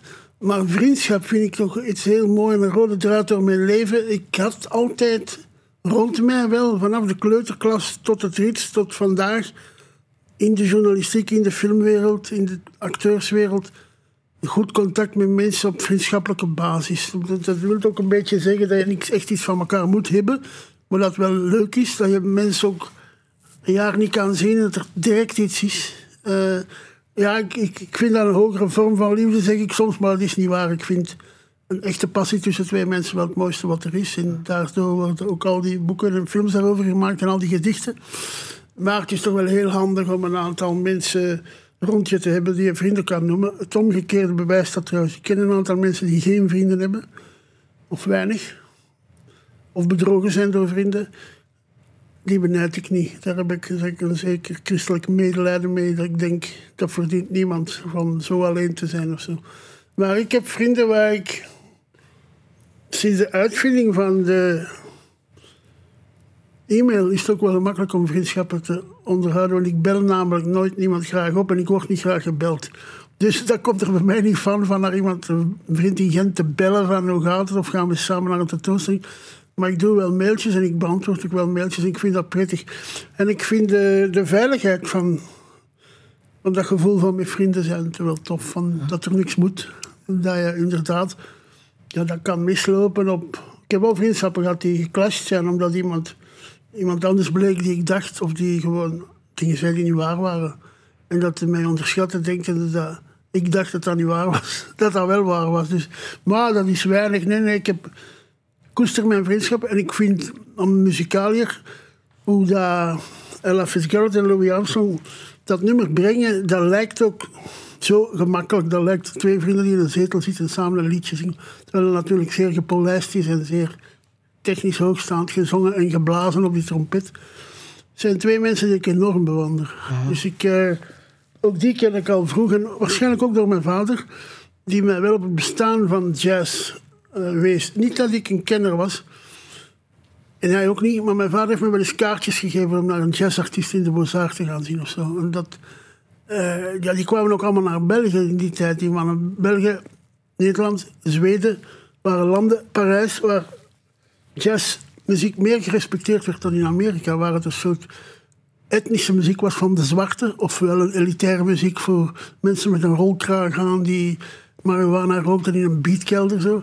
Ehm, ik heb, ja, hoe dat liedje loopt en ook de rest van hun werk, eh, heb ik grote indruk. Maar ik, ik vind die tekst ook zo lang, Can't We Be Friends, dat is toch fantastisch als je, ja, dat komt ook in soaps voor, geen verhouding, maar wel vrienden worden, dat bedoel ik niet. Maar als je tegen iemand zou zeggen, allee, waarom moeten we elkaar nu maar één keer zien, waarom gaan we elkaar nog een keer niet zien? We zijn, kunnen we dan geen vrienden zijn? vind ik een mooie zin. De basis van vriendschap heb je geleerd van Dominique Drudere. Hij zei dat is eerlijkheid. Ja. Absolute eerlijkheid. Ik heb eens twaalf uur met Dominique gepraat. Ruzie gemaakt. Het begon met ruzie, ja. Het was op het balkon eh, van zijn appartement in de Dansstraat. Het was een avond voor een verkiezingsdag. We waren s'avonds, mijn vrouw en ik, bij, hij, bij Dominique en Lorette gaan eten, die onze buren waren. En het gesprek had zich zo een beetje ja, van, zich, van hot naar haar gegaan. En Dominique verweet mij terecht dat ik soms niet eerlijk was. En ik, ik was dat vooral uit de soort... Misschien heb ik dat bij de Jesuiten geleerd. Van, als de waarheid ongemakkelijk is, kun je ze beter wat verdoezelen. Dan iemand te beledigen of dan grof te zijn. En hij had dat door. En we hadden allebei iets gedronken, moet ik ook wel zeggen. Maar uiteindelijk vonden die vrouwen dat wij aan tand waren, aan tafel zo te discussiëren, zijn we op het balkon gaan staan. En wij zijn om een uur of vijf beginnen praten over die dingen. En je mocht in die tijd maar stemmen tot één uur. Dus om half één zei iemand van onze vrouwen, het is nu wel tijd om te gaan stemmen, hè, mannen. En wij zeiden, ja, ja, maar toen zei ik nog, maar je hebt geen gelijk. En toen zei Dominique, nee, jij hebt geen gelijk. En toen zijn wij nog doorgegaan tot een uur of twee of drie. En dan hadden we denk ik vier, ja, twaalf uur gepraat. En dat is daarna altijd niet meer te ter sprake gekomen. Ik ben altijd eerlijk, zeker tegen hem. En hij is altijd eerlijk tegen mij. En Dominique is sowieso al geen leugenaar. Die flapt er ook veel uit, maar in de goede zin van het woord. Die, die, die zit daar minder mee op zijn lever. En dat is heel belangrijk. Zelfs als de waarheid ongemakkelijk is. Wel, dat was een keer moeilijk om door te slikken, maar ik ben ook niet zo dom dat ik dacht, hij heeft geen gelijk. Dus de, de dingen die hij mij niet verweet, maar eerlijk zegde, dat was tijdens werkprocessen gebleken. We hadden samen aan Brussels en Istanbul en Crazy Love gewerkt. Dus we hadden wel een, een history van zowel op de set als naast de set met elkaar om te gaan. En eh, ja, hij heeft dat dan een keer gezegd, of misschien ook doordat hij zich wat moed had ingedronken. Dat, dat hij mij graag had, maar dat dat bij hem stoorde, dat ik niet altijd eerlijk was. Hoe anders is eh, de liefde? Wel, ik, ben niet zo'n expert. Hè. Ik ben... Daar juist liep hier door de gang Hanne de Kuiteren. Daar kan ik ook wel verliefd op zijn. Op iemand die ik een aangenaam persoonlijkheid vind en die ook haar goed kent. Dus dat is niet grote liefde, maar ik heb wel zo soms opflakkeringen ik kan op een, een kasseerster van de, de lijst ook lichte gevoelens ontwikkelen van wat een fijn meisje of zo. Maar de grote liefde heb ik niet zoveel affaires in mijn leven gehad. Maar dat is wel iets heel speciaals. Dat is... Ja, ik ben niet mijn eigen psychiater, hè, maar dat is toch wel iets dat u volledig overrompelt en wat veel doet en wat je moet... In Amerika zeggen liefde is een werkwoord, ik geloof dat niet volledig. Ik denk dat moet tamelijk vanzelf gaan. Ik bedoel, ik, aan relaties bouwen en, en zo, pff, en naar therapeuten gaan, ik denk dat dat al te laat is. Ik, ik denk, je moet graag bij elkaar zijn. Hè. Je moet eh, een beetje met elkaar inzitten. Dat is zo in jouw geval al bijna een halve eeuw. Ja, maar ik denk dat Denise, mijn echtgenoot, dat niet zo graag heeft dat ik publiek over spreek. Maar ze, zal, ze weet dat wel. Dat ik haar heel belangrijk vind. Ik heb het boek aan haar opgedragen, maar dat is gemakkelijk. Maar ik bedoel ermee ook aan wat ze allemaal moeten zelf misschien missen hebben door, door mijn interesse voor film en cultuur. Want ehm, ik heb ook altijd meegesleurd naar toneelvoorstellingen en tentoonstellingen die ze misschien zelf niet wilde zien. Daar heb ik een beetje spijt van. Dat ik dacht, dit stuk moeten we zien, maar ik bedoelde eigenlijk, ik moet dat zien. Dus, maar eigenlijk hebben wij veel geluk. Maar het is niet alleen geluk, hè. je moet ook een beetje nadenken met wie... Ik heb nooit niet meer zomaar gelijk wie aangepapt. Hè. Ik ben twee, drie keer in mijn leven echt verliefd geweest. En ik heb een paar verhoudingen gehad voordat ik Denise kende. Maar ja, ik vind het toch wel heel belangrijk. Ik vind het ook als motor van kunst. Als ik sommige schilderijen zie of gedichten lees, dan, dan denk ik dat kan alleen maar uit iets hoger komen dan, dan gewoon vinden dat iemand een pretty face heeft of zo. Dat gewoon, dan moeten toch gevoelens losgemaakt worden in een mens die, die daartoe kunnen leiden. Maar het omgekeerde heb ik ook al gezien. Hè? Dus mensen die samen blijven en elkaar eigenlijk haten en zo. En dat vind ik ook heel spijtig van te zeggen. Heb dan de moed van te zeggen, deze verhouding werkt niet. Ik dat, is misschien pijnlijk van dat te moeten zeggen, maar jezelf storten in een tunnel waarvan je niet weet waar die gaat uitkomen. Ik, ik, ik, probeer daar niet te veel aan te denken. Ik probeer ook wel te denken dat, dat in mijn geval goed gegaan is. De weinige vrouwen waar ik iets mee gehad heb, zie ik allemaal nog altijd graag. In de zin, het zijn aangename mensen, die, ik heb er iets van geleerd. Ik heb die, hebben hun eigen leven ontwikkeld natuurlijk, zonder mij. Maar ik ben nog niet erg dat ik die ergens tegenkom of zo. ik, moet mij niet verstoppen of zo. Nu aan huisje, tuintje, eh, boompje, auto voor de deur eh, heb je echt nooit meegedaan. Hè? Dat is nooit een plan geweest van jou in het niet. leven. Absoluut niet. Geen huis, geen Nee, ik- tuin, geen auto. Iemand zei me laatst, wat zou het doen als ze bij u in uw huis inbreken? Maar ik zeg, ik heb geen huis. Ik heb daar nooit mee bezig geweest. Ik woon ergens, maar ik heb geen huis. Ik weet... eh, dat is allemaal niet bewust. Ik heb nooit gezegd, ik wil geen huis of ik wil geen gezin stichten of ik wil geen tuin. Pff, Tuin heb ik wel graag bij andere mensen, maar ik weet... Bij mij zou die rapper overhoekerd zijn. Ik heb niet zoveel talent voor tuinmanschap. Maar ook, ik ben... Ja, dat klinkt nu wel vlak voor de mensen aan hun gebraden kip gaan beginnen nogal wat zwaar op de lever, maar ik heb niet zo echt eh, behoefte aan materialistische dingen. Ik, ik, ik koop ook nooit iets. Ik ben de slechtste consument van de wereld. Ik koop, kocht vroeger veel boeken. Daar ben ik een beetje mee gestopt, omdat ik er te veel heb, omdat ik dit moment niet goed zie. Ik kocht veel platen, om, zelfs toen ik journalist was, omdat ik niet afhankelijk wilde zijn van wat platenfirma's mij in de handen stopten. Ik wilde zelf nadenken welke plaat ik wilde bespreken en welke plaat... Als ik iemand ging interviewen, kocht ik die persoon zijn platen om, om die, zijn of haar werk te leren kennen, maar niet... Ik zat niet te bedelen, want dan krijg ik gratis platen of zo. Ik ben... Ik ben ook geen eh, mode-icoon. Eh, ik ben nog nooit in een klerenwinkel eigenlijk geweest. Ik heb Nog nooit. ik heb misschien wel eens een t-shirt gekocht omdat mijn hemd vuil was of zo. Nee, het is iets. Allee, daar is niks heiligs aan, dat is niet straf of zo, maar dat staat ver van mij. Ik, eh, winkelstraten bijvoorbeeld. Ik vind in elke stad, maar vooral in Brussel, de Nieuwstraat vind ik de vieste straat van de wereld. Maar in andere steden interesseren winkelstraten mij ook niet. Ik, eh, het consumentengedrag, het mensen die bakjes laten sturen en terugsturen, wat allemaal voor ellende brengt van op de weg. En. Alleen nu ben ik aan het kritiseren, andere mensen mogen dat van mij doen. Hè. Het interesseert mij gewoon niet. Had jij op dit moment in je leven kinderen gewild? Kleinkinderen? Ehm, Om... dat is. eh, Uit, uit eigen belang wel, ja. Dat ze voor mij naar de lijst zouden kunnen gaan. Maar ik ben niet zo echt een, een pater familias, nee. Ik, eh, Is dat bewust? Dat je geen kinderen wel hoe bewust is dat wij hebben daar... Nogmaals, ik wil niet in plaats van mijn vrouw spreken, want zij zit hier niet. Maar eh, wij hebben zeker geen grote kinderwens ooit geuit aan elkaar... of de droom van aan, vooraan aan tafel te zitten zondags en zes mensen toe te spreken. Ik heb... eh, nee, maar ik zie graag de kinderen van mijn vrienden. Ik heb heel veel kinderen opgevoed als docent. Ik ken de ouders van veel van mijn studenten en de thuisproblematiek ook, omdat ik gaf scenario. En één oefening was dikwijls het eerste jaar, het eerste les van het eerste jaar vroeg ik, schrijf dus op wat uw wereld is, wie je bent. Maar ik zei er ook bij, omdat ik fictiedocent, het mag ook gelogen zijn. Dus sommigen voelden ik direct dat dat gelogen was. En anderen vertelden schrijnende verhalen. Dus ik wist wel hoe die gezinnen in elkaar zitten. Maar ik zeg, het is bij mij geen notie van... eh, ik wil geen kinderen. Maar dus het heeft zich niet voorgedaan. En ik... eh, ik ervaar dat nogmaals, behalve om het praktische.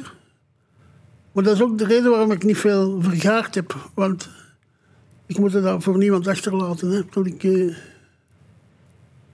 krijg hoofdpijn van hierover te spreken.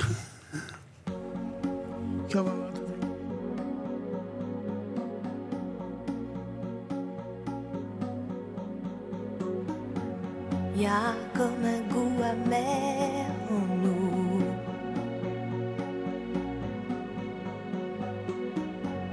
Comme un goût de poussière dans tout. Et la colère qui nous suit partout. Y a des silences qui disent beaucoup.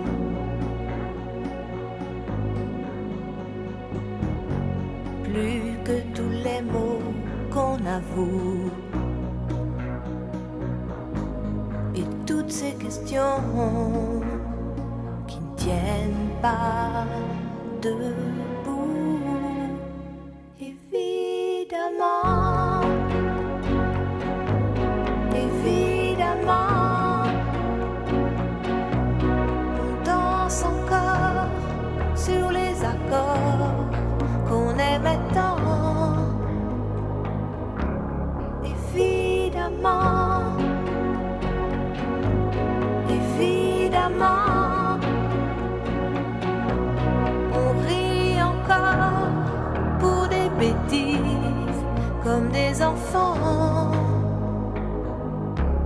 Mais pas comme avant.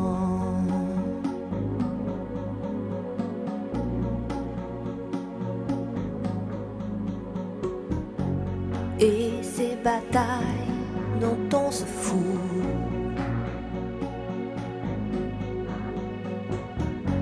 C'est comme une fatigue, un dégoût. Ça sert de courir partout On garde cette blessure en nous.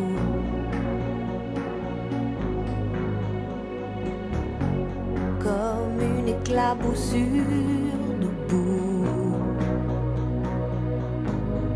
qui ne change rien, qui change tout.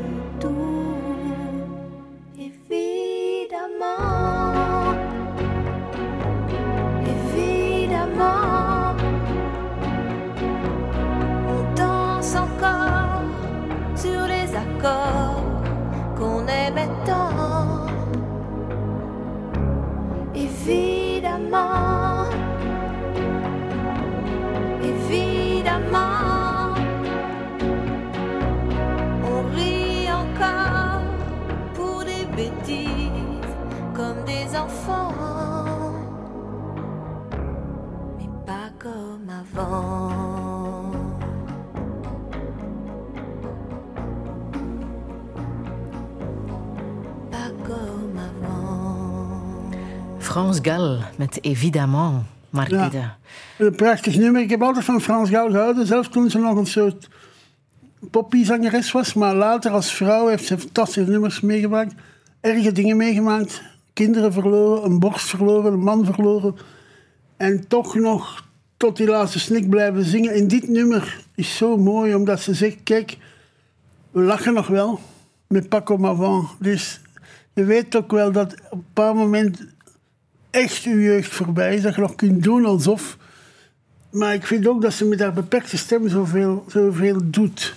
Het nummer doet mij ook denken aan een fantastische acteur, Mark van Meegem. Die een aantal jaren geleden overleed. En op zijn rouwdienst hebben ze dit nummer gespeeld. En bleek dat een van zijn favoriete nummers te zijn. Ik wist dan niet dat hij daar zo van hield, maar ik begreep wel plots waarom. En ik vind het ook goed dat wij als Nederlandstaligen respect hebben voor Nederlandstalige songs, muziek, dat wij natuurlijk door onze kennis van het Engels zeer vertrouwd zijn met de Anglo-Saxische repertoire. Maar dat bijvoorbeeld eh, Duits, Frans, Italiaans zelden of nooit echt ingeburgerd is bij ons. En ik heb altijd van, van die talen ook in de muziek gehoord. En Frans Gal was voor mij een herontdekking. Als, als kind was hij zo'n teeny bopper sterretje, hè? die, die zong Sacré Charlemagne en zo'n dingen. Maar plots, door die ontmoeting met haar man Michel Berger, werd dat een tekstzangeres ook. En ook iemand die mijn ziel zeer, zeer raak treft. Mm. Wat mogen we spelen op jouw afscheid? Oh, oh, oh. Eh, ik hoop dat er dan goede pistolets zijn voor de mensen. Het nummer dat we van het begin van deze uitzending hoorden van Elvis, Anything That's Part of You, vind ik wel ook wel passen. Maar ik ben daar echt niet mee bezig. Dat is wel vreemd, want ik ben ook een halve ijdeltijd. Dus eh, ik zou natuurlijk wel willen dat dat goed is, maar daar ben ik totaal niet bezig. Ehm, Het mag zich in Venetië afspelen, dat heb je wel al gezegd, hè? Ja, ik heb, ik heb een zwak voor Italiaans chanson. Alhoewel ik zeer slecht Italiaans bespreek. Maar ik vind dat die Italianen een grain in stem vaak hebben die mij treft. Zo'n man als Umberto Tozzi, die ook een beetje een tieneridool is. Maar telkens ik in Italië ben, of als ik op de radio... Ik hoop dat je dat nu maar ook in huis hebt, Gente di Mare hoor. Dan voel ik wel iets van landerigheid, wat raar is om over de zee te zeggen. Maar eh, dat het water dat in Brussel zo schaars aanwezig is, toch voor mij ook iets betekent. Ik voel dat... Ik moet in Venetië niet veel doen. Bijvoorbeeld, ik zou nog graag eens naar Venetië gaan, ondanks mijn gammele toestand. Maar ik zou dan vooral op een terras gaan zitten. Ja? En naar boten kijken en een paar Negronis drinken of zo. Maar niet eh, alles nog bezoeken, want ik heb al die kerken al drie keer gezien. En ik heb al die musea al gezien. Maar daar gewoon zijn en dat er in de verte een gondelier, Gente die Mare zingt, zou voor mij wel fijn zijn. Is dat de ultieme schoonheid, Venetië? Eigenlijk wel, ondanks het toerisme en ondanks de rotte dingen die je erover hoort en die ik ook lang heb uitgesteld. Ik ben laat naar Venetië gegaan.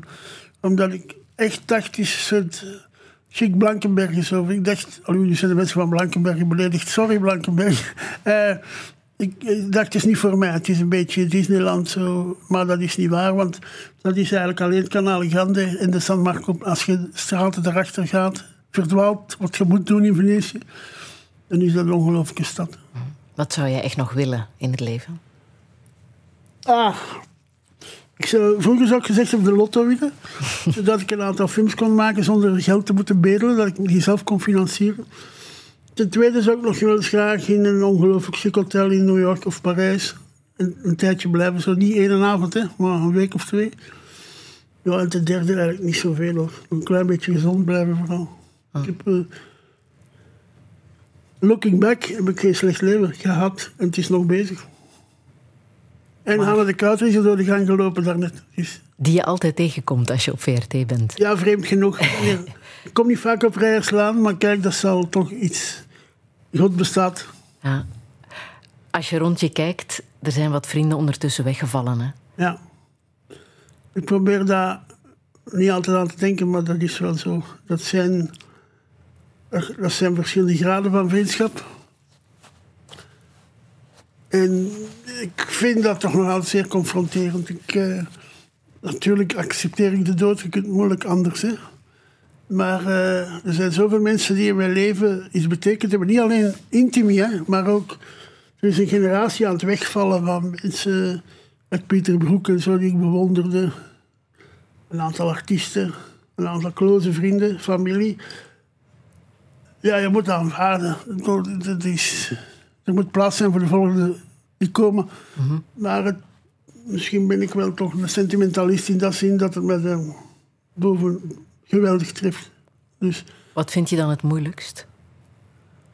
wat idee gewoon, ik laat die ook altijd nog in mijn telefoon staan en in mijn, in mijn, eh, in mijn agenda. Ik, ik schrap geen mensen. Ik, eh, ik ga ervan uit dat moest ik zo willen, dat ik die nog wel kan bellen.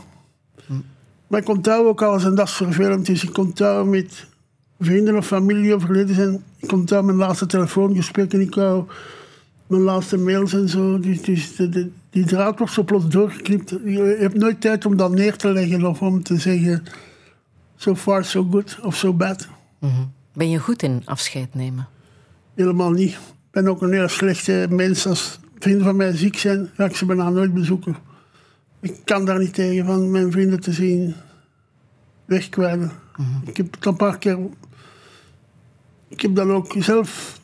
Allee, ik ben dan boos op mezelf hè, dat ik niet meer ga of bel. Maar ik wil daar niet altijd mee geconfronteerd worden. Ik wil ook niet zeggen, het komt wel goed of zo. Als ik weet dat het niet meer goed komt, heb ik daar last mee. Hoe Maar was, ik- het, hoe was het afscheid van eh, jouw buurman, Arno? Heeft hij Wel, dat goed wij, gedaan? wij kennen elkaar al meer dan 50 jaar. Ook toen hij totaal niks betekende en ik zeker niet. Arno en ik was ook wel een beetje op, op grappen gebaseerd, flauwekul vertellen. We hebben zelden diepe gesprekken gehad. Maar wel de laatste tijd was zijn bewegingscirkel eigenlijk mijn buurt. Hij liep eigenlijk nog rond het blok waar wij wonen. Hij zat op het terras van een café dat dicht bij mij. Ja, dat was altijd een ehm pittig. Maar veel flauwekul toch. Bedoel, eh, maar goede flauwekul, hè. Bedoel, eh, totale onzin. Dat is iets waar ik ook wel goed in ben. Allee, ik, ik probeer ook wel de ernst een beetje in te dijken door onnodigheid te vertellen. Welke boodschap wil je hier nog meegeven tot slot? Wel, om het krachtig samen te vatten, toch een beetje wat Warren Zeven zei toen hij wist dat hij terminale kanker had. Hij zei het heeft twee voordelen. Ik, ik steek iedereen voorbij bij de supermarkt in de file en ik zeg, dat is opzij, want ik heb kanker. En iedereen deed dat dan. Maar hij zei vooral, enjoy every sandwich. En dat is iets om lang over na te denken, maar dat is wel een goede spreuk. Ja, doe je zelf ook? Ja, geniet van alles wat er nog is. Ja. Ik heb nog een mooie laatste plaat.